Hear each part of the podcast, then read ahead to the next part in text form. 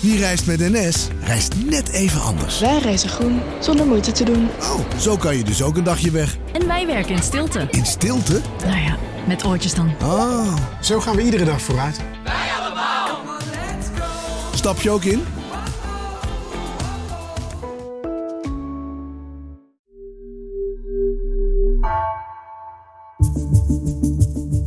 Vanaf de redactie van NRC het verhaal van vandaag. Mijn naam is Egbert Kalsen.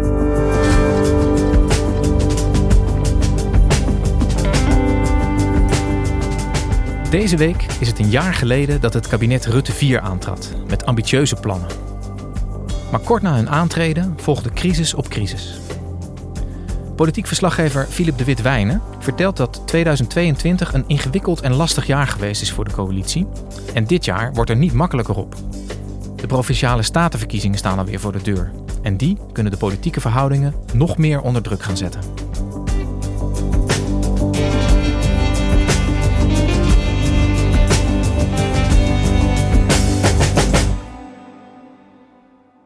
Philip, jij bent eh, politiek redacteur voor NRC in Den Haag. En eh, het is een bijzondere week volgens mij deze week, hè, politiek gezien. Ja, want deze week bestaat het kabinet Rutte 4 eh, precies een jaar. Maandag 10 januari 2022. Toen werden de bewindspersonen eh, beëdigd door de koning. Ik wil u nu vragen een stap naar voren te doen en de eed of belofte af te leggen. Dat verklaar en beloof. Zo waarlijk helpen mij God. Dat verklaar en beloof ik. Zo waarlijk helpen mij God Zo Almachtig. waarlijk helpen mij God Almachtig. Heel veel dank en hierbij wil ik graag de ministers die beëdigd zijn hartelijk feliciteren met de beëdiging. En alle ministers eh, met gezo- gezondheid en veel wijsheid uw zware taak. We herinneren ons vast nog die bijzondere foto, die is eigenlijk historisch. Want dat was het laatste blokje van de coronacrisis. De maatregelen golden nog, waaronder de anderhalf meter afstand. Dus we hadden een bordesfoto waar de ministers op afstand van elkaar stonden. En dat was ook wel symbolisch, want de verhoudingen waren best stroef eh, onderling. Dus dat nieuwe kabinet, dat eh, begon met frisse moed en had er zin in. Ze waren zelf nogal optimistisch. De coronacrisis was er nog, maar eh, liep wel ten einde. Eh, de economie draaide goed. Eh, men had grote, ambitieuze plannen opgeschreven in het coalitieakkoord. Want hieruit spreekt een serieuze ambitie, een sociaal gevoel en een blik op de toekomst. We halveren het aantal kinderen dat in armoede opgroeit. En we pakken het woningtekort aan. betekent dat veel belastingen inderdaad naar beneden gaan. Het betekent dat we eraan willen werken dat je een betaalbaar huis kunt vinden en een vaste baan. Met meer zekerheid voor mensen die nu nauwelijks kunnen rondkomen. Met lastenverlichting voor gezinnen. Een basisbeurs voor studenten. Met betere hulp voor mensen aan de raamveranda van onze samenleving. Maar er kwamen in de loop van het jaar talloze problemen bij eh, op het bordje van het kabinet. die niet waren voorzien bij het eh, schrijven van het regeerakkoord. Vannacht heeft de Russische president Poetin een militaire operatie in de Donbassregio aangekondigd. Volgens Oekraïne is de oorlog met Rusland daarmee begonnen. Nederland verkeert al twee maanden in een gascrisis. Veel mensen kunnen de stijgende energieprijzen niet meer betalen en maken zich grote zorgen over de aankomende winter. Waar gaat het heen met de torenhoge inflatie? Gemiddeld kosten producten nu 12% meer dan een jaar geleden.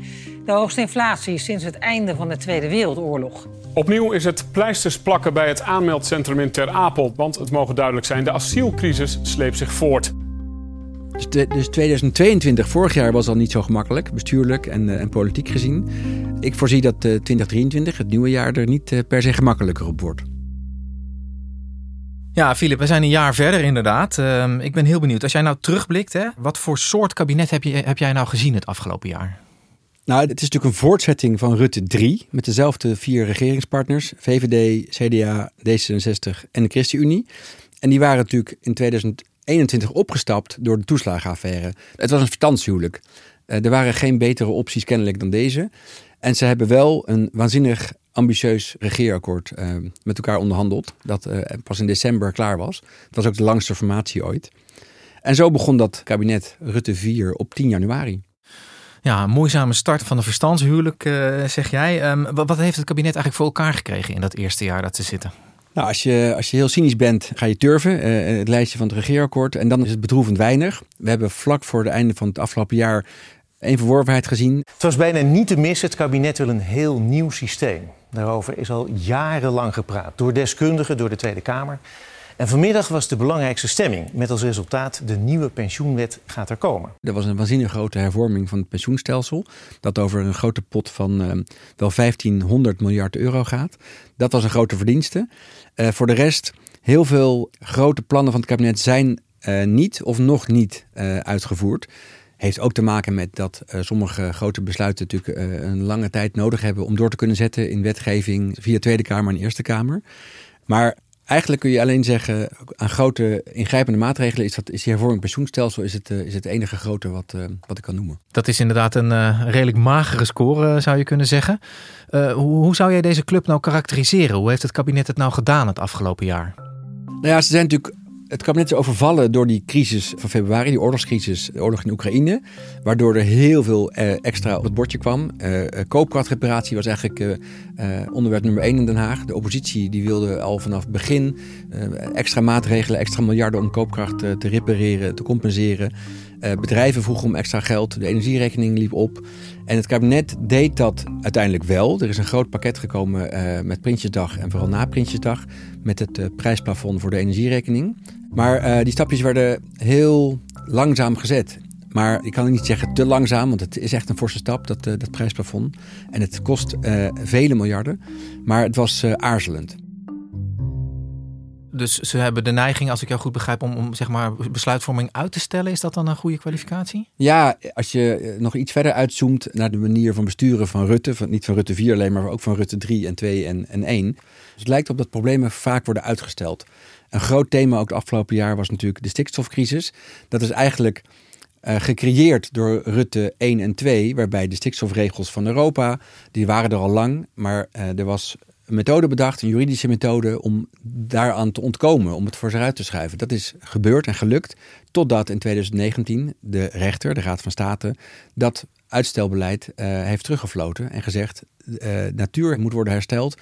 De stikstofreductie heeft nu prioriteit op vele andere dossiers.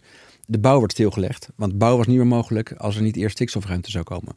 Dat is zo'n proces wat je hebt gezien in de afgelopen kabinetten van Rutte. Dus, dus kort gezegd, uh, Rutte 4 is, is, is afwachtend. En ze hebben dus nog niet heel veel bereikt. Hè? Uh, maar dat, dat komt ook door die enorme vloed aan crisis. Hè? Oekraïne en, uh, en alle problemen die daarmee mee samenhangen. Ja. Dat klinkt als een moeilijk en een onstuimig jaar. Maar het kabinet zit er nog wel. Hebben die dossiers en die, die crisisaanpak en die manier van opereren... hebben die dat verstandshuwelijk tussen die vier partijen nou onder druk gezet afgelopen jaar? Jazeker bij stikstof. Daar dreigde in augustus uh, op enig moment echt een kabinetscrisis. Toen CDA-leider Wopke Hoekstra in een interview in de AD ineens ging tornen aan de afspraken in het regeerakkoord over stikstof. Hij wilde één doelstelling die in het regeerakkoord was vastgelegd, namelijk een halvering van de stikstofuitstoot in 2030. Daar wilde hij vanaf. Hij zei dat jaar tot 2030 is niet meer heilig. Nou, dat ging volledig in tegen de haren van D66, die voor een streng stikstofbeleid is. Ik had het niet zien aankomen. Ja, ieder heeft zijn eigen stijl en keuze. Ik vond het uiterst opmerkelijk. En van de VVD, want het is een VVD-minister, Christiane van der Wal, die het stikstofbeleid moet uh, uitvoeren. Dat is natuurlijk een interview wat ook wel uh, hier en daar natuurlijk de wenkbrauwen deed uh, reizen. Staatsrechtelijk een vraagteken, maar het kan denk ik net. En dat beleid was notabene door Wopke Hoekstra als CDA-leider bij de formatie afgesproken. Dus dat zorgde voor een grote uh, toestand binnen het kabinet. Er was een ministerraad waar, waar echt ruzie is geweest. En waar ook Sigrid Kaag de vertrouwenskwestie heeft gesteld. Van kunnen we elkaar nog wel vertrouwen? Dus dat was even heel spannend in, uh, in augustus ja. en zomerreces. Ja. Dat gaan we de komende weken en maanden, denk ik, vaker zien. Namelijk de politieke kopstukken van het kabinet, of ze nou in de Kamer zitten of in het kabinet zelf, die zullen zich meer willen profileren met standpunten die niet per se binnen het regeerakkoord passen. En dat heeft alles te maken met de dag van 15 maart, over twee maanden. Dan zijn de provinciale statenverkiezingen. En die provinciale statenverkiezingen, die binnen twee maanden er alweer aankomen, waarom zijn die nou zo belangrijk? Nou, het is zowel Indirect als direct heeft het grote invloed op het kabinetsbeleid.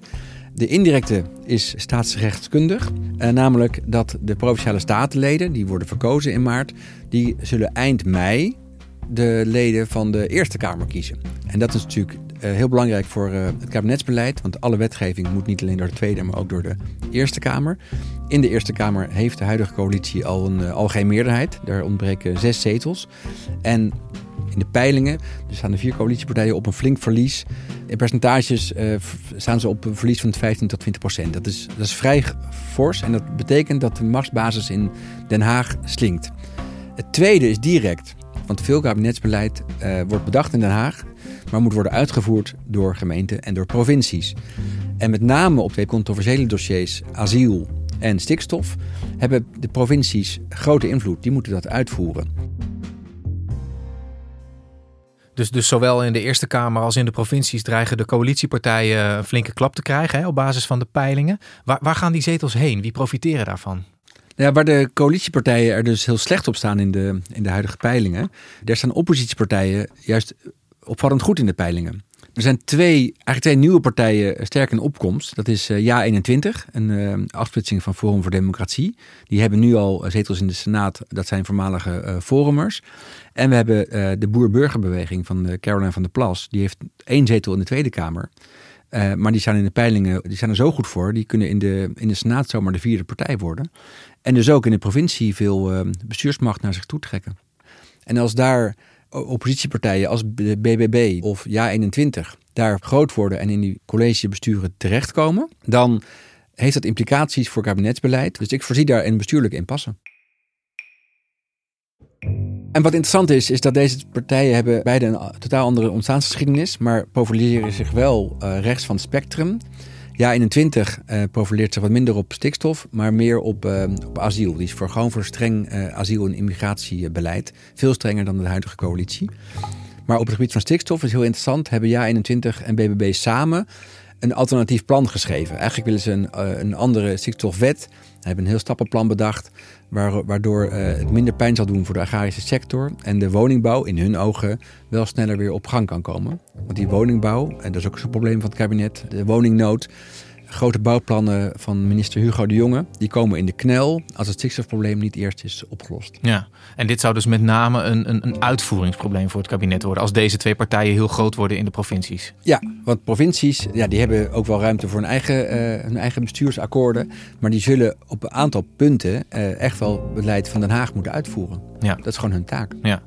Hey, en los van die twee partijen zeg maar, aan de rechterkant van het politieke spectrum, zijn er nog andere dingen die, die in het oog springen zeg maar, als het gaat over die provinciale statenverkiezingen? Uh, Jazeker, want behalve een, een rechtse oppositie is er ook een linkse oppositie. En daar zijn twee partijen interessant om in de gaten te houden. Dat zijn GroenLinks en PvdA. Want die hebben vergaande samenwerkingsplannen. En dat gaat als eerste een beslag krijgen in de Eerste Kamer straks. Ze zullen wel nog apart campagne voeren en aparte programma's hebben.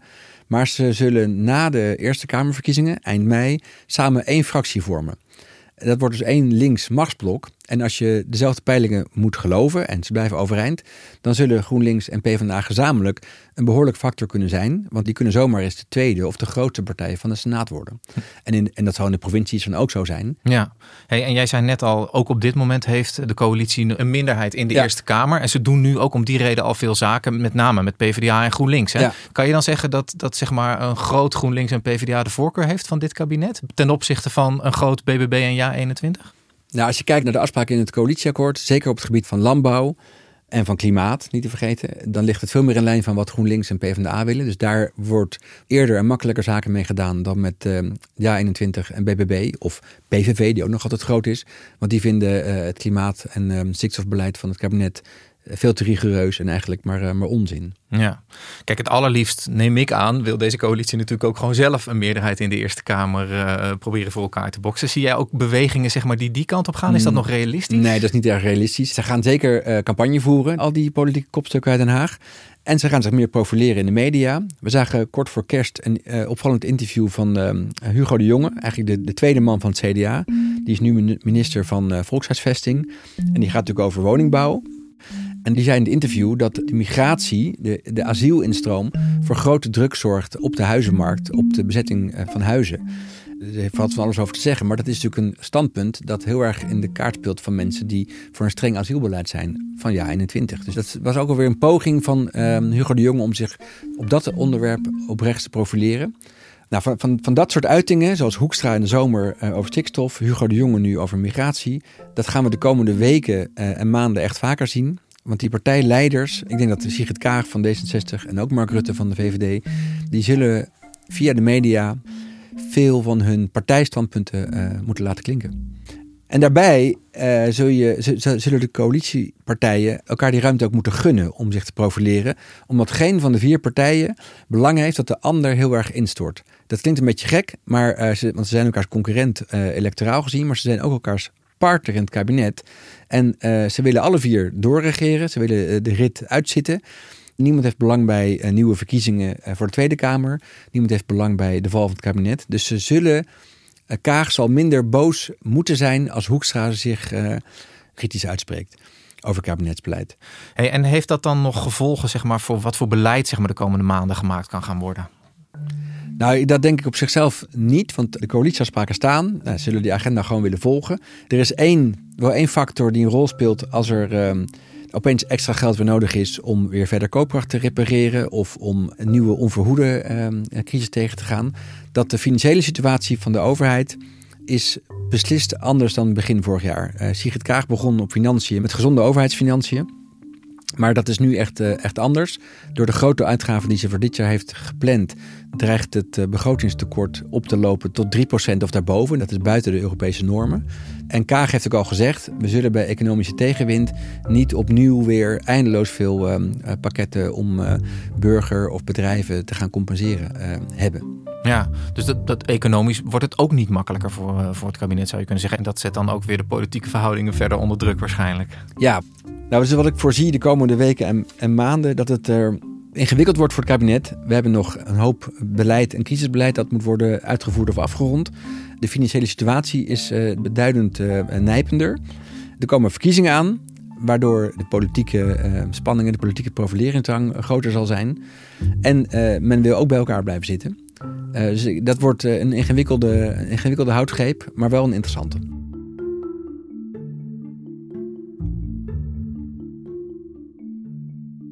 Dankjewel, Filip. Graag gedaan.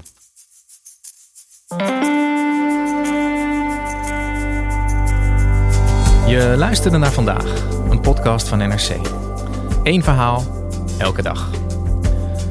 Deze aflevering werd gemaakt door Ruben Pest, Ignaas Schoot, Iris Verhulsdonk en Jeroen Jaspers. Coördinatie Henk Ruigrok van de Werven. Dit was vandaag. Morgen weer.